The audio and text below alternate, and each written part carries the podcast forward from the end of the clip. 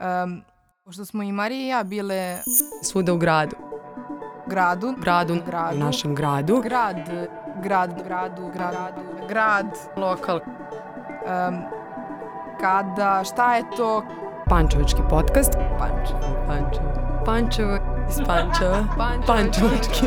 Pančeva podcasti. Pančevoks. Joks i ja donekle možemo da posvedočimo tome Razvoj mladih, mladi i razvoj mladih ljudi. mladi, mladi, šta je mladima potrebno, a da se tiče mladih. Mlađani. Aktivizma. E, volontiranjem, organizacijama, Volonterske vode, volontiranje nevladine organizacije, da organizujemo Zajednice. organizacije karijerni put, priliku, podršku. lokalne idole, takav vid edukacije. Baš bih fazon da bude neformalno. Možemo Jo, sad, znači treba dovoljno optimistično da zvučim. Pančevoks podcast. Znači, krećem. Dobro, krećemo. Marija. Dobrodošli u još jednu epizodu Pančevoks podcasta. Moje ime je Marija Todorović i sa mnom je i ovog puta Jovana Jankov. U duhu planete Zemlje koju smo proslavili 22. aprila, ali i gorućih ekoloških problema o kojima se sve više sada već priča, kao što su zagađenje vazduha, izgradnja mini hidroelektrana, zagađenost reka, otpadne vode, deponije i tako bih mogla verovatno u nedogled da nabrajam. Ovu epizodu smo shodno tome posvetili zapravo ekologiji. Logičan izbor za goste, s obzirom da je u pitanju podcast i da se bavimo inicijativama i ljudima koji žive u našem gradu, je u stvari bila inicijativa Odbranimo Teslu, koja je nastala u julu prošle godine kada su se komšije u svom naselju Tesla udružile kako bi odbranile svoje naselje od lošeg urbanističkog plana. Ispred ove inicijative naša današnja gošća je Aleksandra Jovanov sa kojom ćemo razgovarati o aktivnostima ove neformalne grupe, gorućim ekološkim problemima, ali i njenom ličnom razvojom putu na polju aktivizma. Ćao Aleksandra i hvala Ćao, ti što si sa pozdrav. nama. Nema Ćao. na čemu, vrlo rado. Tvoje primarno zanimanje i posao nemaju veze direktno sa ekologijom i urbanizmom i gradskim planovima uopšte, ali si se ti ipak uključila u jednu inicijativu koja se time bavi, nego pre nego što počnemo detaljnije o tome, predstavi sebe u nekoliko rečenica. Po zanimanju sam filolog engleskog i španskog jezika. Da kažem profesor, iako nikada nisam radila u toj struci. Taj moj razvojni put je onako išao spontano, prosto u porodici u kojoj postoji svest generalno o politici, ne samo stranačkoj, što u stvari ljudi pogrešno konotiraju u današnje vreme zazirući od politike, nego svakodnevnih problema političkih, društvenih, socijalnih koji se tiču svih nas. Tako da je ovaj taj trnovi put krenuo još od demonstracije na tatinim ramenima sa pet godina, pa nadalje, eto, tako se prosto razvijalo. A ovako, eto, filolog. A reci nam ajde nešto sad i o tvojim početcima i generalno o početcima same inicijative Odbranimo Teslu. Znači krenulo je pre godinu dana, kako ste se uopšte okupili i kako se to išlo? Vrlo je bilo neverovatno kao scenario nekog filma, zato što to je neki jul bio, da, kraj jula 2020. Ja pričam sad iz svoje lične prizme, negde je bilo 8 uveče, vraćam se od spolja, ulazim u zgradu i vidim nekoliko plakata koji su mi skrenuli pažnju, jer je onako bilo boldovano u više boja, ruše nam Teslu, ustanimo komšije, punchline-ovi su bili, uradili su to što je trebalo da urade. Ubrzo nakon toga, preko jednog poznanika i suprug i ja bivamo ubačeni u tu veliku Viber grupu. Zapravo je jedna od danas naših saborkinja došla u posed tog plana detaljne regulacije za Teslu, koji je bio na pragu usvajanja i koji bi u svakom smislu se kršio sa svim ekološkim i društveno prihvatljivim standardima jednog naseljenog mesta poput Tesle, a uvek treba naglasiti da je Tesla u gradu poput Pančeva, koje je samo po sebi zbog južne i sad severne zone izuzetno zagađeno, najzelenije naselje i konkretno ovaj plan je podrazumeo da se četiri nove zgrade, odnosno stambena objekta, izgrade baš na zelenim površinama od koja su dva postojeće igrališta za decu, što bi takođe iziskivalo i seču drvoreda platana, starog i prelepog drvoreda platana u sadašnjoj ulici e, Miloša, Miloša Obrenovića, Obrenovića tako je, ja sam kažem Paja Marganović, ali to su stari nazivi. Tako da prvi neki sastanak koji se održao na toj jednoj od teslaških livada, mi smo se tu svi upoznali i negde ono što je toliko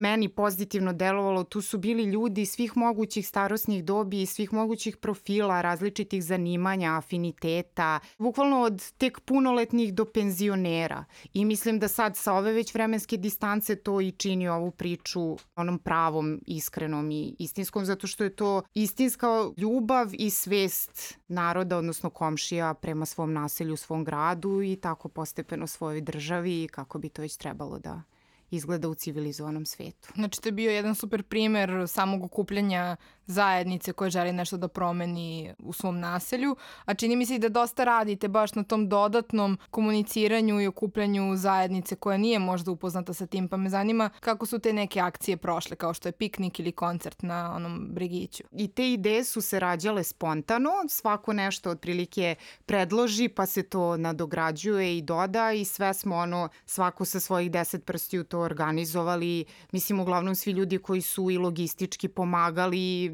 su onako ljudi čistog srca koji su želeli da doprinesu koliko god su u mogućnosti. To je imalo sjajan odjek i odziv, zapravo pre svega prva akcija čišćenja to je bila pokazna vežba gradskim službama kako bi trebalo da rade svoj posao sad koliko god da bismo mi svi voleli da čistimo u svom dvorištu neko je plaćen za to. Mislim da nakon svega ovoga je malkice skrenuta pažnja na Teslu što dosta onako licemerno deluje jer tek kad se digne buka u vezi sa nečim u ovoj zemlji ljudi zapravo počnu da nekih možda 2-3% rade ono za što primaju mesečnu platu i tu je još mnogo više ljudi u odnosu na taj prvi sastanak učestvovalo, priključilo se akciji, čak i neki slučajni prolaznici, a posebno piknik prvi posle svirka na kojoj je svirao Bane Gluvakov, tu je onako bilo, boga mi, jedno tristotinjak ljudi, ako ne i više i razmena ideja, priča o svemu tome, priključivanje novih ljudi. Ja opet kažem, inicijativa nije ekskluzivno pravo nikoga, svako je dobrodošao, svi smo jednaki, svi radimo u skladu sa svojim mogućnostima, većina ljudi ima svoje poslove, tako da to iziskuje zaista želju da zapravo nešto promeniš bez materijalne koristi, ali mnogo veće koristi od materijalne. Ako da ono nešto od gore da ovo sve uspe eto, i ti sve vreme pričaš o tom okupljanju u stvari komšija koji se možda pre toga nisu ni poznavali. Kako ti vidiš uopšte koliko je bitno da se ljudi samo organizuju u svojim zajednicama, na lokalu, kom, ono, u svom komšiluku, na tom nekom mikronivou? To je trebalo svakako da se desi i mnogo ranije, ali da u ovako nekoj društveno-političkoj klimi koja vlada u Srbiji i ovako rekako toj nekoj represiji, tenziji konstantnoj u društvu, da je ovo jedini pravi način gde zaista pojedinac može mnogo da doprinese time što će osvestiti sebe da građani imaju moć, svaki pojedinac ima moć i prosto ih treba usmeriti, makar mi se trudimo da delimo svoje iskustvo, kako da dođe do te moći koja su u stvari na kraju krajeva ustavna prava svakog pojedinca.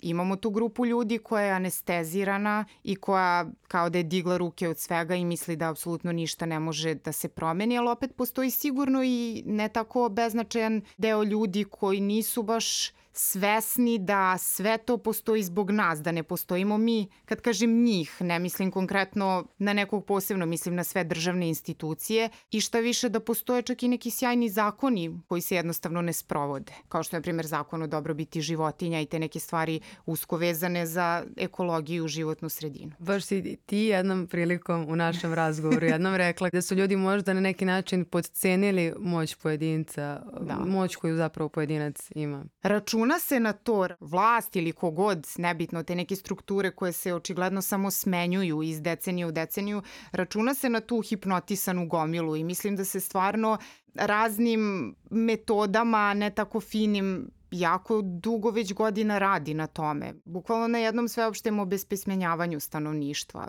počevši od toga da ogroman procent građana nema završenu i osnovnu školu pa nadalje. Treba dati ljudima priliku i baš zbog toga apsolutno nikakve razlike među nama ne postoje kad smo udruženi oko zajedničkog cilja, tako da od ne znam čega do doktora nauka svi mogu da doprinesu u ovoj priči i da imaju podjednaku moć. A dok smo još kod tog organizovanja, sa kojim ste se vi eto, izazovima suočili kod tog vida samoorganizovanja? Dakle, ste imali neke veće izazove, klackalice, Pa sve je bio izazov zato što nikad ne može termin nečega da se pogodi sa svačijim ličnim obavezama, tako da često se dešavalo da neki pojedini ljudi moraju u datom momentu malo više da povuku, zasuču rukave. Mislim, sve se to na kraju svede na isto i negde se zaista trudimo da podelimo taj teret, ali prosto život teče i to jest melje u ovoj zemlji. I onda eto, nekad nedostatak vremena je glavni izazov, ali negde mislim da sad dosta učimo na sobstvenom iskustvu i da eto, čekamo lepše vreme zapravo za neke konkretnije akcije, apsolutno nismo od toga odustali, ali ishodno i ovoj situaciji opšte pandemije čekamo da su ustali lepo vreme i da mogu da se sprovode konkretnije akcije na otvorenom. Kao što smo imali zapravo prošle nedelje, dobili smo seme belog bagrema, pa smo sadili 10 mladica tu isto na jednom 2-3 travnjaka na Tesli. Eto, tog tipa neke akcije u skladu sa lepim vremenom na dolaziće. Slušate Pančevac. Zanimljivo je što ste nastali prvenstveno kao inicijativa protiv jednog konkretnog urbanističkog plana, a zanima nas koliko se onda vaše polje delovanja proširilo i koliko sada nastojite u tome da stvarno pomognete ne samo naselju Tesla, već i celom gradu kroz uh, vaše delovanje.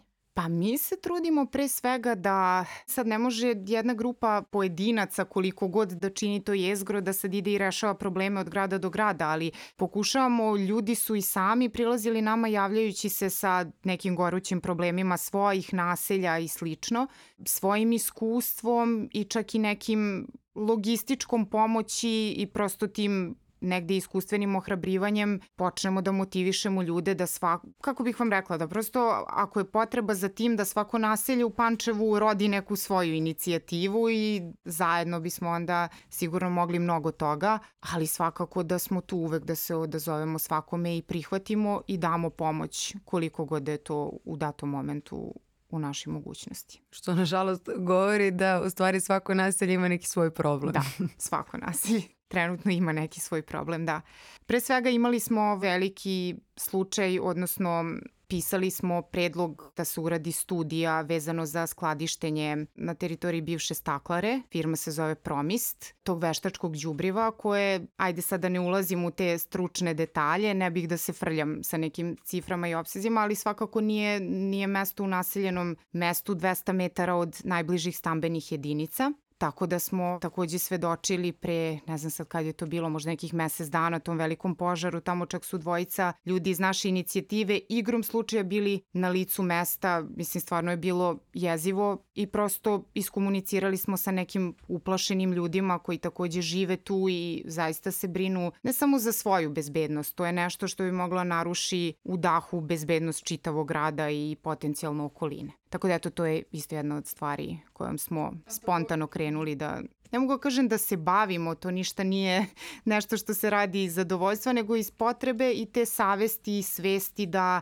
prosto ta grudva kad krene, ona samo ide i ne možeš više da ostaneš nem na svu tu devastaciju različitih sfera društva i prirode koja se dešavaju oko nas. A takođe pratite i ostale javne rasprave i ostale planove koji se donose ne samo za Teslu, već i za ostala naselja, pa možeš još nešto da nam kažeš šta se još trenutno u gradu možda dešava da, da nekako građani mogu da imaju uticaje na to?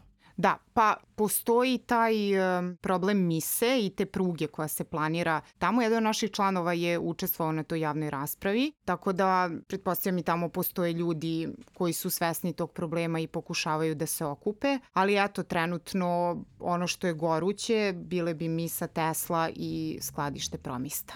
A koja je tačno problematika što se tiče promista? Znači, na koji način ste vi pristupili tom konkretnom problemu? Po pitanju promista, mi kao inicijativa smo pripremali i podnosili mišljenje i žalbe po pitanju potrebi izrade studija slučaja uticaj na životnu sredinu koje bi projekat te firme, odnosno skladištenje opasnih materija i hemijskog đubriva imalo po okolinu i ekologiju ovog grada.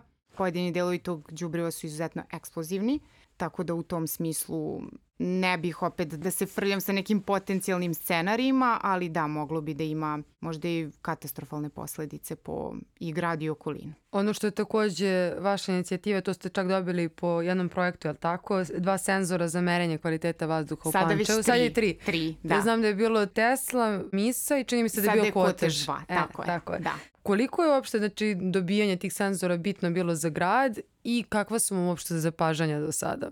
Mislim da je jako bitno na našem sajtu Odbranimo Teslu postoji link preko koga građani mogu da prate u, otprilike u svako doba dana kakav je status našeg vazduha. Sad onako na ličnom planu ja se bukvalno vodim time, mada ono zimus negde kad je vazduh vrlo jasno mogao i da se vidi, ne samo da se oseti. Ja se kao vodim time kad treba da izvedem psa u šetnju. Zaista je bilo strašno i tog dana kad je bio požar u, u promistu, naglo su skočile vrednosti, iako opet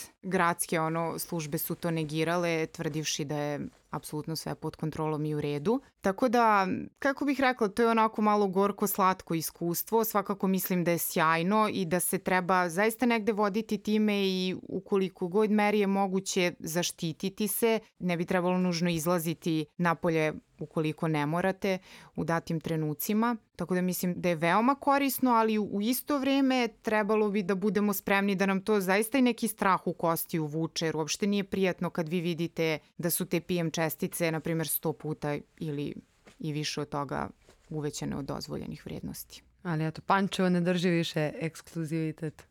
po Da, Pančevo ne drži više i zapravo onaj neki deo koji ja znam, čak i ta neka pitanja fabrika, eto, Zotara silom prilika više ne postoji. U Petrohemiji ti neki najotrovniji pogoni, nažalost ili na sreću su uništeni ciljano za vreme bombardovanja. Tako da to je sklop svega i svačega i kad se na to nadoveže i vazdušni pritisak, vlažnost, mislim imamo bukvalno ono udišuću katastrofu. Pričali smo o tom i samo organizovanju i mikrozajednicama. Zanima me koliko svako od nas može zapravo da utiče na rešavanje problema kroz da li primetbe na koje vi pozivate da takođe i građani e, podnose gradskoj upravi i kroz samo praćenje određenih problema koje se dešavaju u gradu, koliko je to na pojedincu, koliko možda na institucijama koje možda neke probleme ne rešavaju. Podjednako, ali u smislu da, obzirom da je ovo jedna paradoksalna zemlja gde institucije i zakoni postoje da se ne bi izvršavali i da ne bi radili svoj posao, na pojedincu je enormna moć i to je problem što mislim da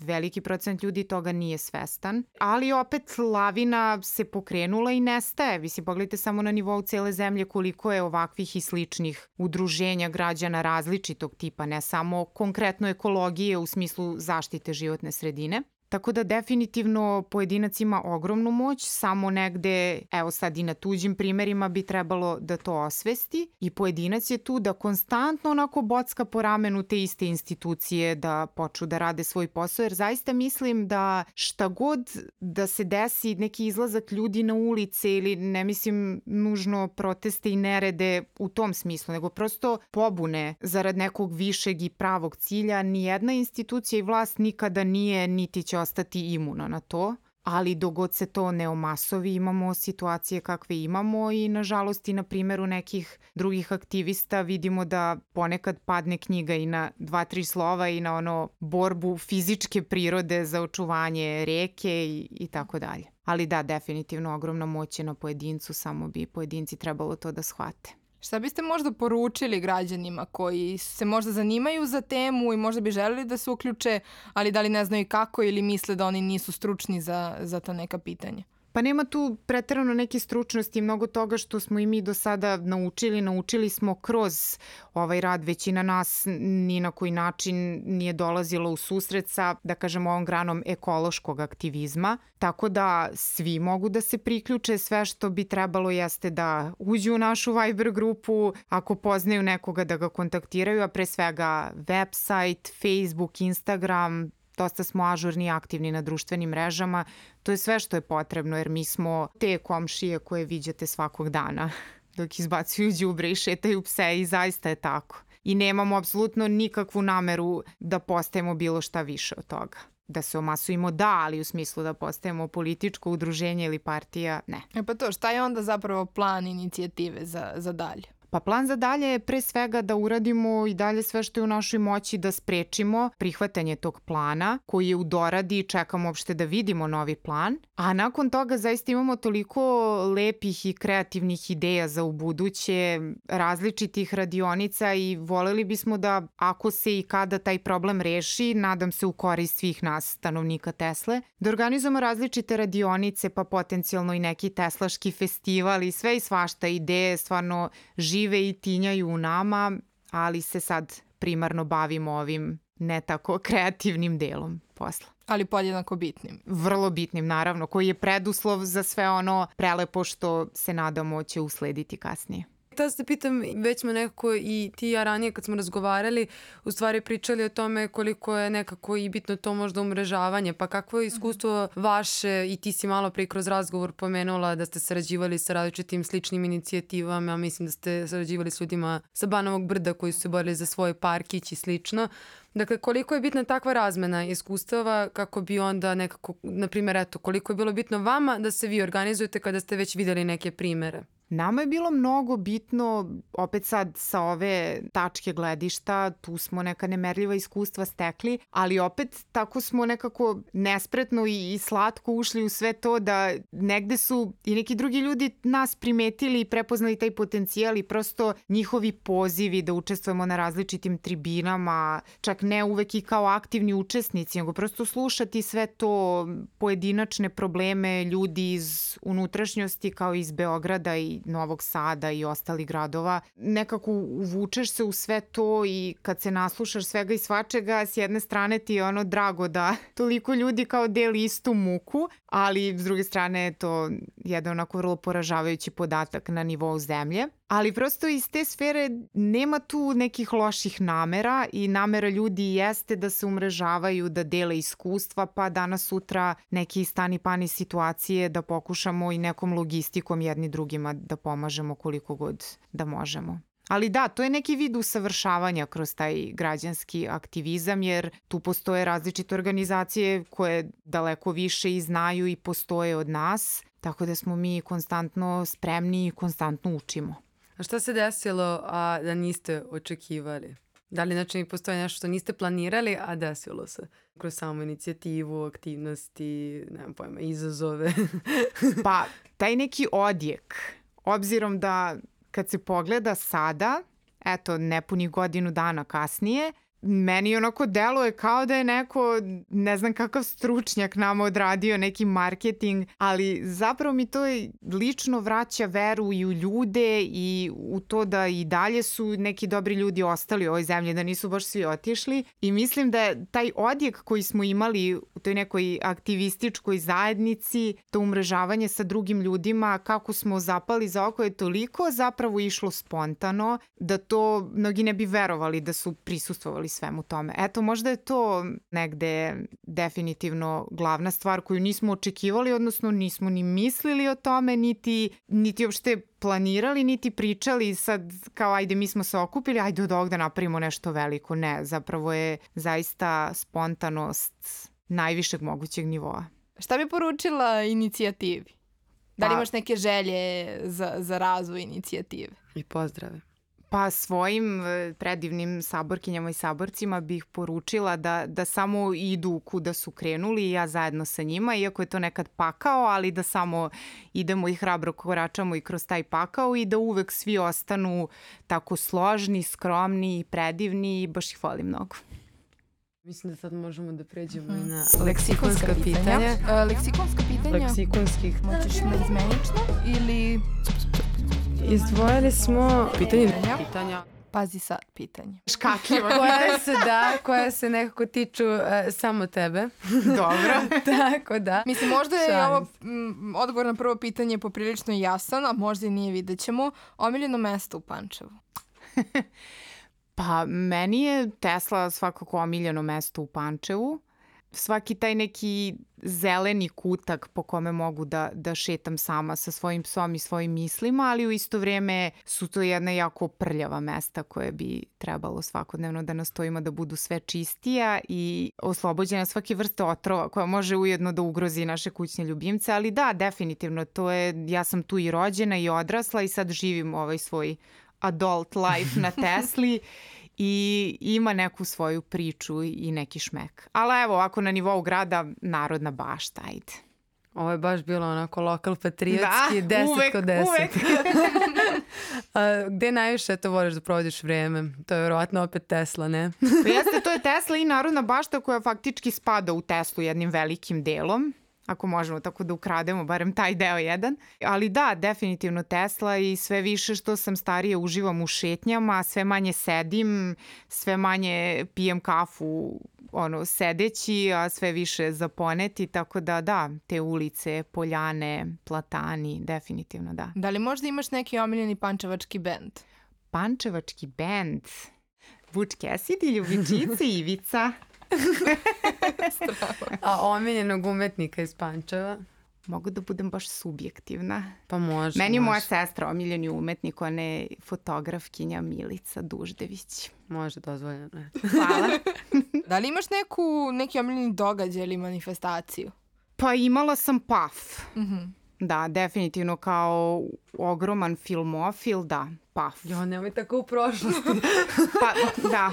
Mislim, sad mi je sve u prošlosti zbog ovog trenutnog stanja. Mislim, to je moj problem, što imam sad osjećaj kao da više nikad ništa neće da se vrati na staro. Da, definitivno paf, bez konkurencije za mene. Šta bi volala da budeš kada porasteš? Mm, trudim se da budem i samo bih volela da ostanem dobar čovek i dobar građanin svom gradu i svojoj zemlji i da mi se onako bar u nekom najmanjem mogućem procentu to isto vrati od te iste zemlje i makar mojih sugrađana.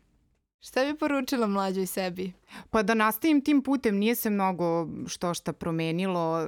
Krenuli smo sa tim, to je bilo nužno zlo vremena kad sam ja odrastala, ja sam 86. godište, znači naša cijela osnovna škola, moje tada najbolje drugarice i mene je prošla u tim demonstracijama, vodili smo, predvodili naš razred, pošto su tada i svi veći protesti paralelno sa Beogradskim se odvijali i u Pančevu, to su bila vremena kad si svakog omiljenog glumca mogao da sretneš i uslikaš se sa njim u tom periodu. Ta neka težnja konstantna za promenom na bolje i mislim da nisam, nisam to izgubila i poručila bih mlađoj sebi da nikad ne izgubim dete u sebi, što mislim da nisam i da neću, nadam se. Hvala Aleksandra što si bila naša gošća. Hvala vama, divne ste.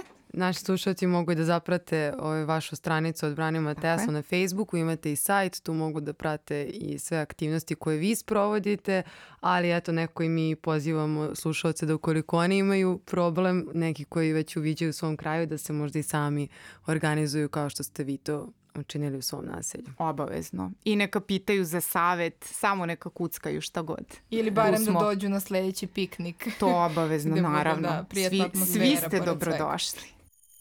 Svega. Pančevogs podcast je nastao u produkciji Krokodil studija u Pančevu. Autorke Pančevogs podcasta su Jovana Jankov i Marija Todorović, producent Vuk Stevanović. Ja sam Aleksandra Jovanov, slušali ste Pančevogs. Mislim, vuče, je kao sad samo da nastavi Aleksandra ili da mi ponovimo? Ja već nemam pojma šta sam rekla malo pre. Stavite ovo, molimo se. Eto, vidiš da je dobro bilo pitanje. da, da. Projekat sprovodi Sinhro a finansiran je od strane Evropske unije kroz projekat Mladi, Savez za medijsku pismenost i digitalni značaj. Stavovi izraženi u podcastu isključivo su odgovornost autora i njegovih saradnika i ne predstavljaju zvanična stav Evropske unije.